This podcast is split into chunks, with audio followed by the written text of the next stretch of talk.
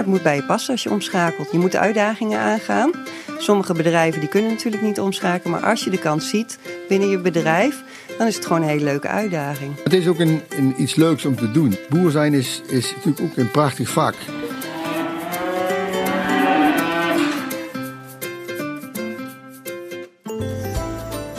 Welkom bij de podcast Biologisch Boeren over omschakelen naar de biologische melkveehouderij.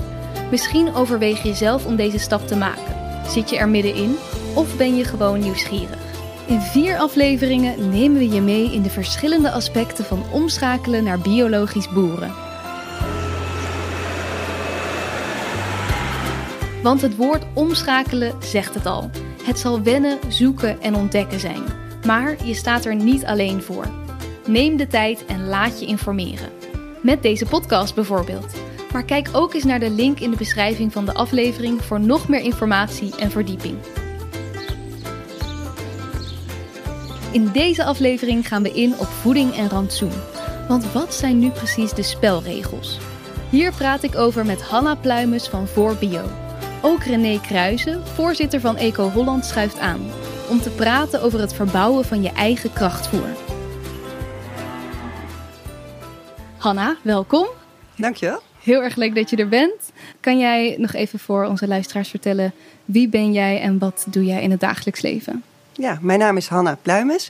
Ik uh, kom al rond de 25 jaar bij biologische veehouders op het erf. En dat was in eerste instantie gewoon als stagiaire toen ik de has deed. En vervolgens uh, ben ik bij DLV Biologische Landbouw terechtgekomen in uh, zeg maar 94. En daar heb ik min of meer veel omschakelplannen gemaakt. Want het was toen de tijd ontzettend populair om toch om te schakelen. Vervolgens heb ik jaren in het rantsoenadviezen gezeten. En um, nu sinds een aantal jaren heb ik een bedrijf voor mezelf. En dat heet Voor Bio. Hanna geeft dus al heel wat jaren advies op het gebied van voeding en rantsoen. Ze vertelt over de zaken die zij altijd als eerste bespreekt met boeren die willen omschakelen. Ten eerste wordt de, wordt de regelgeving besproken. Dus waar moet je gewoon als uh, biologisch bedrijf uh, aan voldoen voor de skal op het rantsoengebied. Daarnaast uh, geef ik toch ook wel wat tips om uh, kritisch te zijn over wat je aankoopt en wat gezond, gezonde voeding is voor een koe. En wat vind jij zo belangrijk aan biologisch boeren? Ja, het is een systeem en de mens staat centraal daar wel in, maar zeker met de natuur en met de dieren natuurlijk. Ik probeer het ook als een systeem landbouw te zien. Nou ja, net zoals deze podcast. Hè, die bestaat uit verschillende onderdelen natuurlijk. En het rantsoen is een onderdeeltje, maar hè, dat is natuurlijk niet los te zien van de bodem of van het dier zelf, van de gezondheid van het dier en uiteindelijk de productie. Ja, het heeft allemaal met elkaar te maken. Ja, en dat vind ik wel het mooie. En daarnaast, hè, dat het zonder input van uh, kunstmest of uh, bestrijdingsmiddelen is, ja, dat sprak mij toen ik mijn studie begon, zeg maar, het meeste aan. Dat ik denk, hé, hey, er is een manier dat er eigenlijk minder input kan zijn. En wat zijn de vier basiscomponenten voor een optimaal rantsoen? Een blad, zeg maar, wat uh, koeien eten. Een stuk stengel, wortel en een, een zaadgedeelte. En uh, dat zijn eigenlijk vier onderdelen die eigenlijk continu in een rantsoen kunnen voorkomen. En hoe zorg je daar dan voor als boer dat je al deze vier componenten... Ja, je kan natuurlijk een groot gedeelte teel je zelf, hè, blad, stengel. Ehm, tegenwoordig worden er ook wel veel zaden, dus het graan wordt zelf geteeld. Niet bij alle biologische bedrijven, zeker geen must. Of snijmais kan je natuurlijk ook nog zien. En de wortel, hè, dat is het biet, worden tegenwoordig ook wel zelf geteeld. Maar die kan je natuurlijk goed aankopen bij een voerleverancier. Zoals in de introductie al werd weggegeven, zijn er een aantal spelregels als het gaat om biologisch rantsoen. Kun jij ons meenemen in welke dat zijn en wat hier allemaal bij komt kijken? Alles uh, moet 100% biologisch zijn. Dus overal wat je aanvoert of wat je voert, sowieso moet een SCAL-certificaat hebben. Dus zonder kunstmest en zonder bestrijdingsmiddelen geteeld zijn. Uh, de koeien mogen van 15 april tot 15 oktober echt weidegang hebben. En 8 uur per dag. En 6,5 koe per hectare. Dus er zijn wel twee regels, specifieke regels aan. En het rantsoen uh, moet minimaal uit 60% ruwvoer bestaan. Ja. Zijn er voor kalveren dan nog aanvullende spelregels? Ja, dat klopt. De kalfjes moeten sowieso drie maanden verse melk krijgen. Of Je kan ook poedermelk, uh, maar die moet ook van biologische afkomst zijn. Maar merendeel van de biologische veehouders die gebruikt gewoon eigen melk voor de kalfjes. En dat is dus wel langer dan we gangbaar gewend zijn, dus ja. de drie maanden. Daarnaast is het wel belangrijk uh, dat ze ook weidegang krijgen, uh, zodra het mogelijk is. Dus ook die kleinere, die staan vaak in groepshuisvesting, die moeten wel een uitloop hebben. Dus dat zijn de hoofdregels. Ja. En je hebt het net over die weidegang, 8 uur per dag en 6,5 koe per hectare. Maar stel nu dat ik daar simpelweg niet voldoende hectare voor heb. Wat kan ik dan doen? Ja, dan, dan uh, is het heel lastig om om te schakelen. Dus de huiskavel, eigenlijk bewijdbare huiskavel, die moet wel uh, minimaal zo groot zijn. Nou, je kan natuurlijk altijd terug in aantal dieren. Wat dan wel eventueel bij huiskavel past, maar een veel betere optie is dat je echt eigenlijk kijkt van een omgeving, valt er toch nog wel wat uh, land bij te krijgen. Ja, precies. Dus en er zijn best wel wat mogelijkheden. Hè? Sommige mensen hebben al een brug aangelegd over een water of gaan toch de weg over.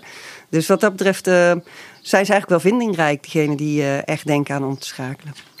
Hanna stelt dus dat er of meer ruimte nodig is, of je moet terugschakelen in het aantal dieren.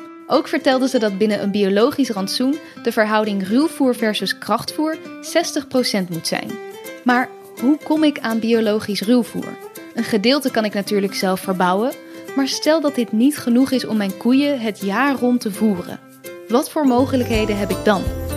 Je kan natuurlijk altijd terugrekenen hoeveel hectare heb je zelf en wat komt er vanaf.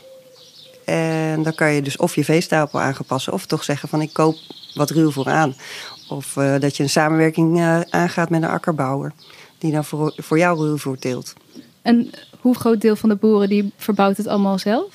Ja, ik, ik denk toch uh, de uitgangspositie moet zijn. Dus dat je eigenlijk wel zeg maar 80% zelf kan delen. Adviseer ik, want anders word je wel heel afhankelijk. Um, hoeveel boeren er nu ongeveer zelfvoorzienend zijn, dat ze, dat ze al wel die 85% zijn. In de toekomst kan ik me voorstellen dat bedrijven wat lastiger uh, omschakelen. En gewoon omdat de eerste, die zijn al omgeschakeld, zeg maar, waar het makkelijk bij ging. En die er ook wat, uh, ja, een goed liggend bedrijf hadden, zeg maar, met een ruime huiskavel en behoorlijk wat hectares, dus excessief waren. En nu krijg je misschien wat uh, intensievere bedrijven die toch denken aan om te schakelen. En dan zie je die samenwerking dus ontstaan. En als er dan dus bijproducten nodig zijn, Waar moet je dan op ja, letten? Bijproducten zijn tegenwoordig wat makkelijker uh, verkrijgbaar. Dat komt er gewoon omdat de consumenten meer uh, biologische producten ook afnemen. En dan zit ik te denken aan bijvoorbeeld multivitamine, waar dan uh, bijvoorbeeld wortelsap in gaat. Dus dan zie je die wortelpulp weer verschijnen op de markt. Soms heb je aardappelen die over zijn, dus dan kan je een tijd aardappelen voeren. Maar He, onlangs was er ook dadelpulp bijvoorbeeld uh, beschikbaar. En dat komt omdat er uh, dadelsiroop uh, op de markt is gekomen, biologisch. Ja. Dus het is ook eigenlijk een kwestie van wat is er op dit moment ja. beschikbaar. Ja. En waar moet je dan op letten bij dat inkopen? Dat is sowieso altijd helemaal 100% uh, gecertificeerde producten zijn. Dus er moet altijd een SCAL-certificaat bij zitten. Dan heb ik een stelling. Die luidt... Met een zelfgeproduceerde krachtvoervoorziening kun je net zoveel melken als met regulier krachtvoer. We gaan het zo meteen met René ook nog hebben over die zelfgeproduceerde krachtvoervoorziening. Maar hoe kijk jij hier tegenaan? Ja, ik vind het een interessante vraag. Het feit is wel zo dat als je minder kunstmest gebruikt, zal de voedingswaarde iets afnemen van je ruwvoer. Dus het gras rond de 5% eh, in energie. Het merendeel gaat het eiwit toch wel naar beneden. Dus daar heb je wel een, uh, een andere uitgangspositie.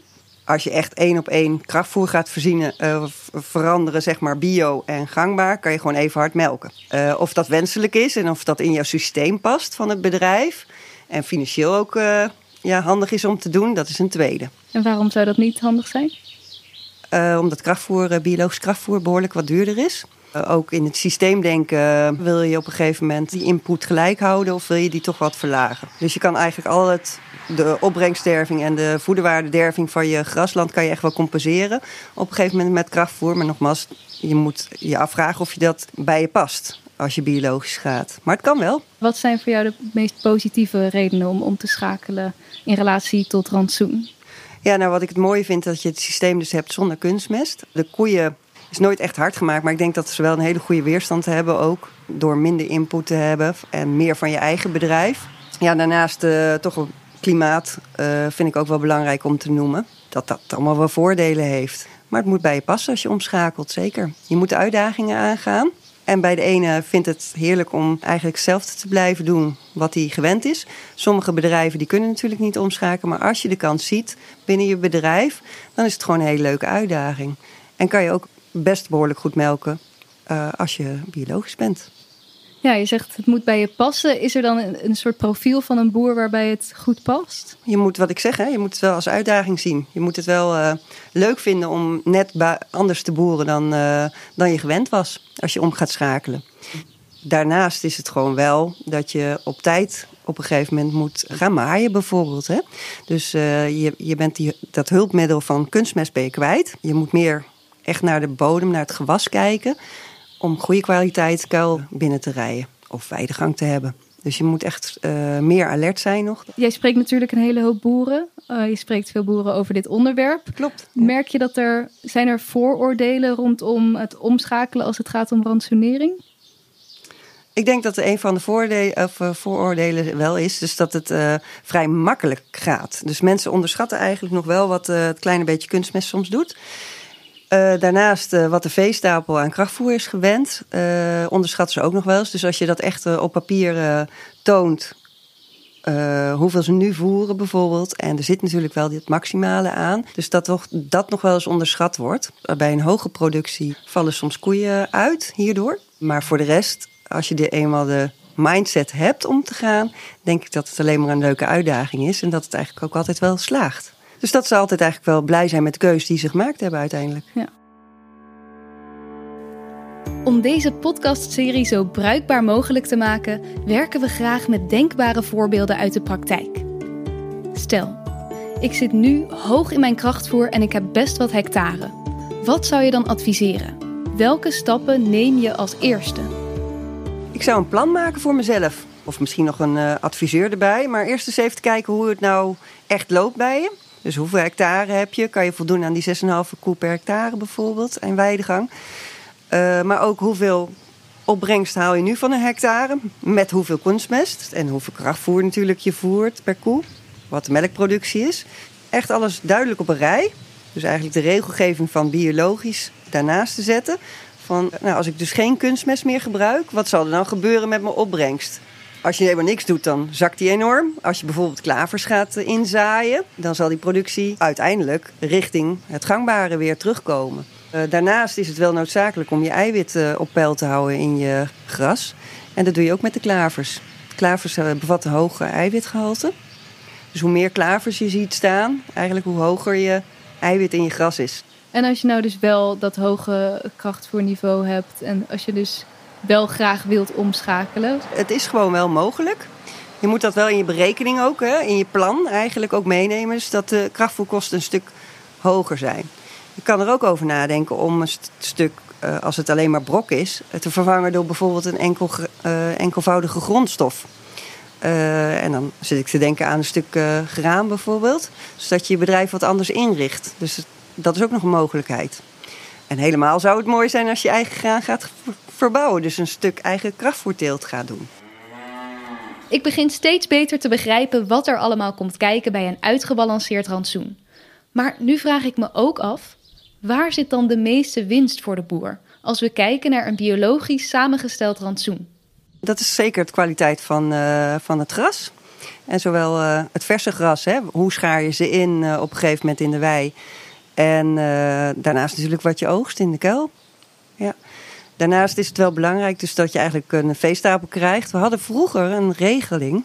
En dan mocht je eigenlijk niet meer dan 20% van je kilogram meetmelk aan krachtvoeders voeren. Dat is nog steeds eigenlijk wel een hele mooie basis als je zoekt naar een veestapel die goed past in de biologische sector. En dat houdt dus in, dus een uh, koe die 7000 liter geeft, 1400 kilogram krachtvoer maximaal voert. En zo kan je het natuurlijk ook voor een koe die 8000 liter geeft. Dat was vroeger een hele makkelijke vuistregel. Werd het ook uh, allemaal berekend. Die is gelukkig losgelaten, dus je kan ook wat meer voeren. Hè. Tegenwoordig voert, uh, is het gemiddeld denk ik rond de 22 procent ligt het uh, aandeel krachtvoer. Veel hoger, komt vaak niet helemaal goed uit. Oké, okay, dus het is geen harde regel meer, maar wel fijn om hem ja, aan te houden. Ja, zo als richtlijn aan te houden. Ondertussen is René Kruijzen aangeschoven. Hij is voorzitter van Eco Holland Een coöperatie van zo'n 250 biologische melkveehouders verspreid over heel Nederland. We zitten bij het opnemen van deze podcast op zijn boerenbedrijf. Zometeen zal hij iets met ons delen over de afzetmarkt. Maar eerst vertelt hij hoe hij is begonnen met het zelf produceren van krachtvoer. Ja, wij zijn ermee begonnen met het zelf eh, produceren van krachtvoer. Omdat wij dus op een gegeven moment, we hebben ook een akkerbouwbedrijf erbij. En de, de afzet van akkerbouwmatige producten loopt wel terug in Nederland. Omdat er eigenlijk ook best wel grote akkerbouwbedrijven omgeschakeld zijn naar, eh, naar biologisch. En uh, wij vonden het een groot risico natuurlijk dat wij dus uh, altijd het krachtvoer gingen aankopen. Dus hebben wij besloten om granen te telen voor ons eigen gebruik. En vuilbonen of erten met, met granen. Je kunt verschillende combinaties kiezen. Maar je moet energie zien te krijgen en eiwit zien te krijgen. Twee factoren die heel belangrijk zijn voor het vervangen van krachtvoer.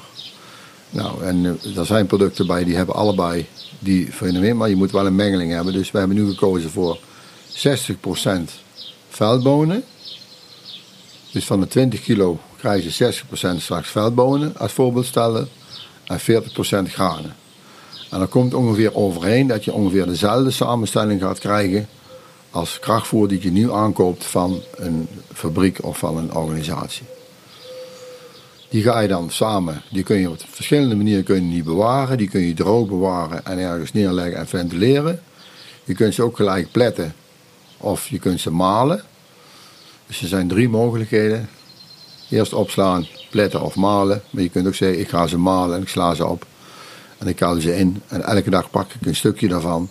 En die geef ik aan mijn melkkoeien. Ter vervanging van het krachtvoer wat normaal gesproken in de silo komt. Wij hebben gekozen nu voor, een, uh, voor vier, vijf jaar lang pletten. We hebben altijd granen geplet, tarwe en gerst. En ook eventueel erten. Maar nu hebben we, dit jaar gaan we kiezen dat we dus de veldbonen gaan inkuilen. Dat het gemalen wordt. Dan is het kant klaar, dan kunnen we het zo eruit halen. En dat kost ons minder arbeid. En dat is eigenlijk het verhaal van eigen krachtvoer. Uh, minder risico's, meer dus duidelijke product. En ik weet precies wat ik heb. Mm -hmm. Dat is een groot voordeel. Los van de CO2-uitstoot die dus met vrachtwagens gebracht wordt op en neer. En kan elke boer dit doen? In principe wel. Als hij, hij kan een contact zoeken met een akkerbouwer in zijn omgeving. Eh, die dus ook eh, biologisch is. Of hij kan het zelf doen. En eh, je hoeft het allemaal niet in grote getalen. Je kunt er gewoon rustig mee beginnen. Je kunt ook naar een natuurorganisatie stappen, van, stappen en je kunt zeggen: Oké, ik wil even meer eigen voer gaan produceren op mijn grond. Kan ik via die een stukje huren? Of kan ik een uitruil doen? Dus er zijn allerlei mogelijkheden. Maar waar willen ze ze weg? Dus je hoeft helemaal niet. Al, al vervang je maar vast 10% van je krachtvoer of 20%. Dus je kunt daarmee beginnen. Mm -hmm. En uh, uh, je ziet wel op een lange termijn hoe ver dat je kunt komen. Kun je, kom je tot 80% vervangen is prima. Kom je tot 50% vervangen, heb je die winst in ieder geval te pakken. Zowel uh, klimaattechnisch gezien, maar ook in de portemonnee. Dus elke kleine stap is, al een, ja. uh, is het al waard? Ja, ja. Okay. zonder meer. Oké, zijn er dan nog andere belangrijke dingen die boeren moeten weten als ze dit gaan proberen? Ja, zorg wel dat je dus goed voorgelegd bent en dat je dus wel de expert erbij haalt van wat je moet je doen. En ga niet maar zomaar als een, uh, ja, als een wilde, mag ik niet zeggen, maar je moet wel goed onderlegd te werk gaan. En je moet wel de goede spullen hebben, dus de goede materialen om te kunnen zaaien, om te kunnen onkruid te kunnen bewerken en te kunnen oogsten. Dus bezint eer je begint. Zorg dat je dus de goede apparatuur hebt uh, om het te kunnen telen. En maak de goede keuze. Want niet elke grond is geschikt voor veldbonen. Niet elke grond is geschikt voor granen. Niet elke grond is geschikt voor erten. Dus je moet wel de, de goede structuur en de goede grondsoort hebben om het te kunnen doen. Kun je dat niet, heb je niet de goede grondsoort, ga je goede grondsoort zoeken bij je collega. Ja. Want alle akkerbouwers in Nederland die akkerbouw hebben, hebben allemaal goede gronden. Als zijn ze geen akkerbouwer. Hoe ziet dat krachtvoer er precies uit? En waarom kiest René voor deze manier van verwerken? En wat zijn de verschillen tussen pletten of malen? Je kiest voor een vervangende krachtvoer. En eigenlijk zitten in krachtvoer deze elementen die je al hier teelt. Dus soms zit er al veldbonen in van een akkerbouwer. Soms zit, er zit altijd al mais in van een akkerbouwer. Er zitten al granen in van een akkerbouwer. Maar nu doe je het zelf. Alleen bij krachtvoer maken wordt alles gemalen en verhit. En dan wordt er krachtvoer van gemaakt. Alleen wij gaan het dorsen. Dus met de combine gaan we het gewoon droog dorsen. Dan is het product ongeveer 85% droge stof. Dan kun je opslaan gewoon los met de ventilator op. Maar je kunt ook zeggen, ik ga het gelijk malen. Want de koe kan dus granen niet verwerken zodat ze gegroeid worden. Ze moeten of platgeslagen worden, of ze moeten gemalen worden. Want anders dan gaat het pitje erin en dan komt er achter weer uit. En dat is het, het systeem wat nodig is om dus uh, die krachtvoervervanger uh, daadwerkelijk in die koe te krijgen. Nou, pletten is het voordeel dat je dus bij pletten van een graan, een praat je over een vers product, die dus rechtstreeks gaat pletten, dus die ga je gewoon kapot slaan. En die wordt in de koe gegeven. Ja. Bij malen doe je het vooraf gaande en dan is het product vaak ook al een, een, een, een maand of vier, vijf of zes maanden oud. En dan is het iets minder vers. Dus pletten heeft een klein voordeel, voordeel ten opzichte van malen. Alleen pletten moet je elke dag vers doen. En malen kun je gewoon in een kuil inkuilen. En dan heb je daar minder ruimte en ook minder kosten voor. En Hanna, als je dit dan zo hoort en we kijken even terug naar die vier basiscomponenten voor een optimaal rantsoen. Zit dat hier dan nu allemaal in? Ja, zeker. René die uh, teelt erg mooie uh, grasklaver, want hij heeft natuurlijk die rotatie uh, teelt op zijn bedrijf. Daarnaast heeft hij natuurlijk zijn uh, veldbonen en zijn uh, granen. En uh, het enige wat ik dan nog mis, hè, die stengel is ook eigenlijk met gras, hè, of eventueel wat hooi. Hij voert wat snijmais in de winter. Of daar begin je denk ik in de herfst mee. het hele jaar door. Het hele jaar door. En dan missen we alleen de, de wortel. En sommige bedrijven die telen dan zelf voederbieten, dus de wortel. in dit geval hebben we daar nog een kans eventueel. Al gaat het uitermate goed op dit rantsoen. En voor de bietentelen is ook weer een hele nieuwe tak van sport. René, je hebt ons al heel veel verteld over het zelf krachtvoer telen. En ondanks de uitdagingen is volgens mij ook de boodschap gewoon proberen. Maar hoe is het bij jou ooit begonnen? Wat was jouw eerste krachtvoerteelt van eigen bodem? Het is ook een, een, iets leuks om te doen. Je moet, boer zijn is, is natuurlijk ook een prachtig vak. Uh, mijn vader is nou, gisteren was hij 20 jaar dood. En uh, toen was biologisch en toen was hij het perceel naast het huis. En ik zeg, papa, ik ga je sperziebonen zetten. Hij zegt, wat ga jij doen? Ja, zit hij, maar dit is hier zwaar klein, jongen. Ik heb hier nog nooit van mijn hele leven nog nooit geen bonen gezien. En helemaal zo aan, je hebt nooit een boon gestaan. Ik zeg, ja, we gaan toch maar eens proberen. En toen was hij al een beetje ouder, dus hij was een beetje gematigd. Anders zou hij zeggen, dat moet hij niet doen. Ja. En... Uh, na drie weken was mijn vader, die was toen al uh, 2, 3 of 75, met een kistje aan het schoffelen tussen de, tussen de bonen in, met een uh, schoffel, een handschoffel. Van, uh, is toch wel leuk? Ja. Ze groeien toch wel hier? Ja, en dat zijn dingen die dus, uh, die vergeet je dus nooit meer. En zo is het met die veldbonen. En misschien is er dadelijk wel een sojaboon. Kijk, bij elke crisis die we hebben in onze wereld, energie, voedsel of iets anders, komt er altijd weer een oplossing. Waar ik het heel graag met jullie nog even over wil hebben is afzet. En uh, René, jij weet daar ontzettend veel van. Jij bent namelijk voorzitter van Eco Holland. Kan je uitleggen wat jullie daar precies doen? In 2002 is Eco Holland opgericht. Dat betekent dat wij een coöperatie hebben die alleen maar biologische melk collecteert van boeren in Nederland. Na 2004, 2005, vanaf toen af aan eigenlijk contracten gekregen met de supermarkten zelf. Dus dat betekent de supermarkten kopen van ons rechtstreeks melk de supermarkt zorgt zelf voor een fabriek waar die melk verwerkt wordt. Want Holland heeft zelf geen fabriek. We hebben gewoon een platte organisatie die nu op dit moment bestaat uit 260 boeren in Nederland. Wat er gebeurd is de afgelopen 20 jaar is ontzettend veel. Anderhalf procent zuivel werd er gebruikt in 2002. En nu zitten we op 10% in Nederland. 10% en vers zuivel wordt biologisch gebruikt of verkocht aan de consument. Nu krijgen we dus het punt, we zitten nu in 2022, eh, klimaat en alles gaat dubbel tellen, stikstofproblemen, noem alles maar op. Dus eh, als biologische boer zijnde eh, produceert je minder stikstof op je bedrijf, je hebt minder uitstoot. Dus we hebben onze tijd mee, alleen wij zitten te wachten, en dat is de volgende vraag die je stelde van de afzet. De afzet die loopt wel iets op, dus we hebben steeds meer melk nodig. Maar ik had verwacht dat de overheid, maar ook de media ons mee zou helpen om meer consumenten te overtuigen dat biologische producten, niet alleen zuivel, goed zijn voor je gezondheid en voor je lichaam en voor het klimaat. Want wat als ik nu uh, aan het omschakelen ben, op een gegeven moment ben ik biologisch, hoe treed ik dan toe tot die biologische afzetmarkt? Er zijn drie manieren. Je kunt zelf iets gaan maken. Je kunt zeggen, nou, ik ga biologisch melk produceren en ik ga zelf kaas, kwark, yoghurt. Eh, er zijn allerlei voorbeelden van, maar dat is natuurlijk een moeilijke weg. Dan moet je het zelf gaan afzetten. Je kunt kiezen voor een uh, coöperatie. Dus je kunt kiezen voor Eco Holland of voor een andere coöperatie waar je lid van wordt. Of je zegt, ik ga het, naar een, ik ga het verkopen aan een, eh, aan, een, aan een kleine verwerker. Dus je kunt ook nog zelfstandig ook nog melk gaan verkopen. Onze werkwijze is effectief. Want als je dus, ik zal een voorbeeld noemen, als je dus uh, één boer hebt in Groningen en die wil biologisch afzet hebben en die heeft hem verkocht aan een verwerker in Utrecht, dan moet hij apart met de vrachtwagen de melk op gaan halen en gaan brengen naar de verwerker toe. Dus ja, dat is natuurlijk impossible. Dat is, uh, kosten zijn veel te duur. Dus wij gaan, hebben de boeren bij elkaar gebundeld. We hebben dus een RMO, dat is een vrachtwagen die de melk ophaalt. Die haalt bij zes of zeven boeren de melk op. Die gaat het naar de dichtbijzijnde fabriek brengen waar we dus een afzet hebben geregeld. En zo zijn wij eigenlijk ontstaan als Eco zijn als een, als een begrip. Dus we zitten nu op die 10% ongeveer. Uh, stel, er zijn een heleboel extra boeren die uh, biologisch willen gaan afzetten. Hebben ze dan ook bij jullie die afzetzekerheid?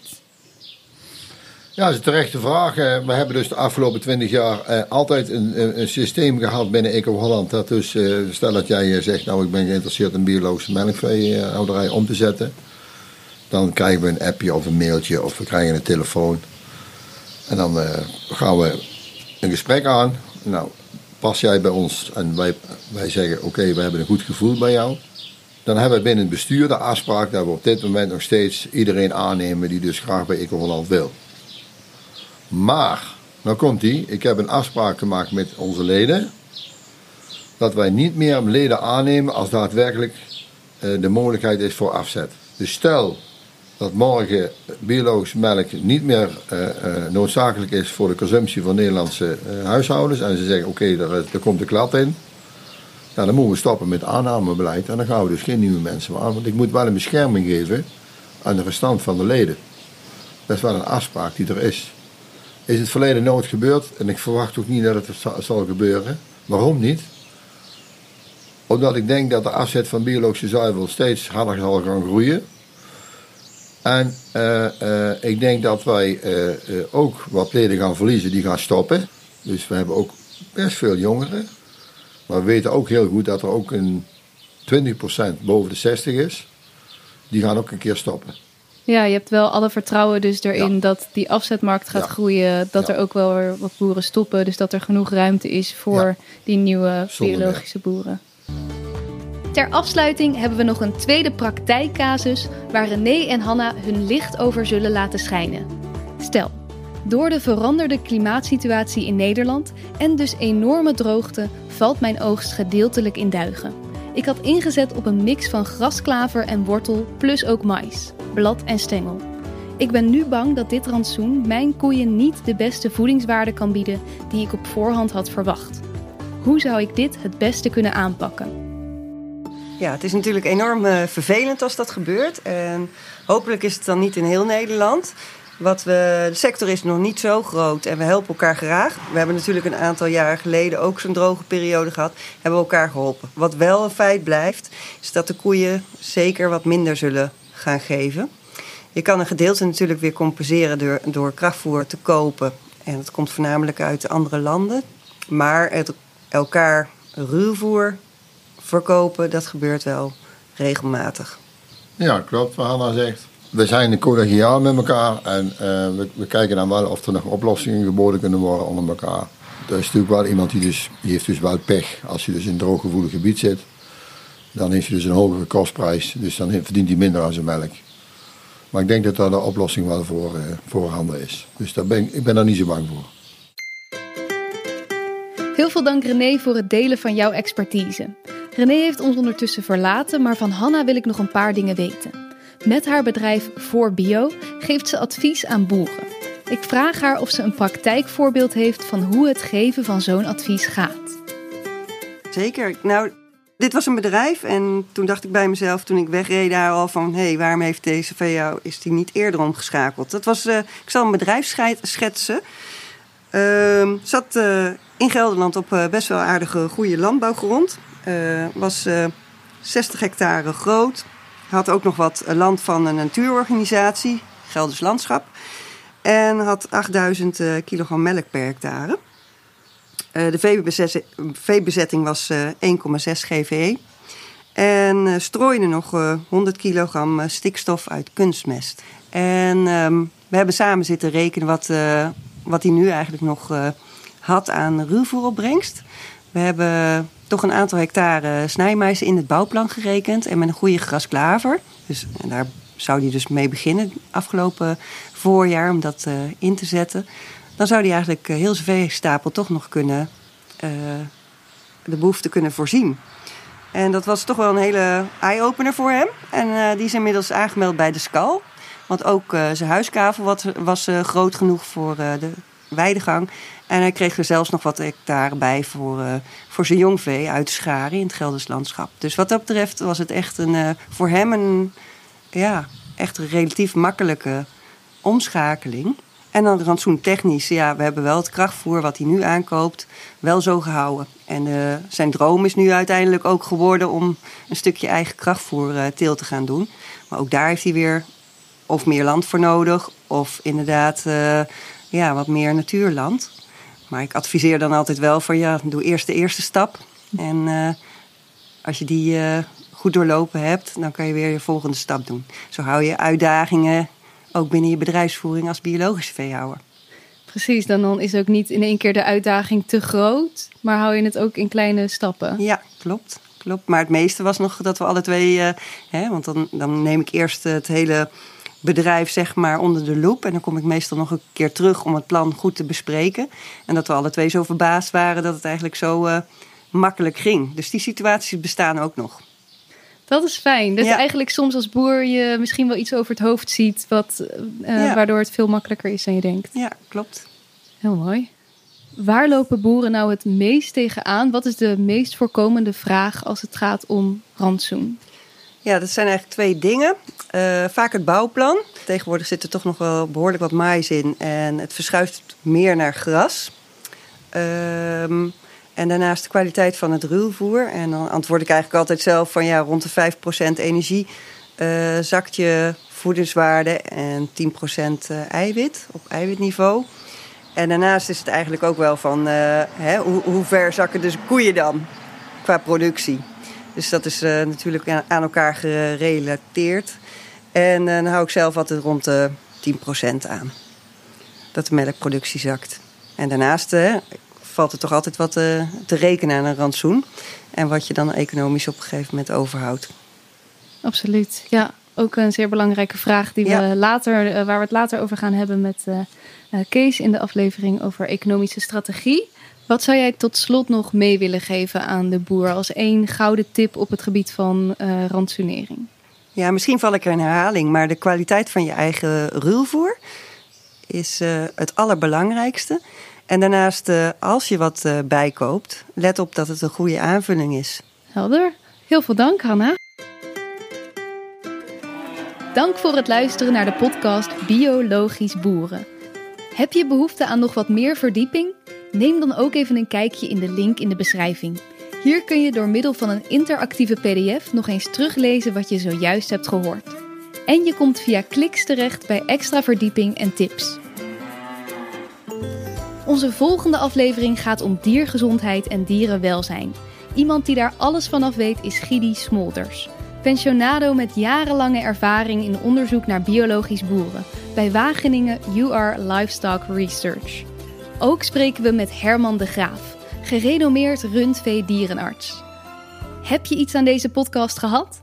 Deel hem dan met een collega-boer die ook denkt aan omschakelen of met een andere geïnteresseerde. Tot de volgende aflevering.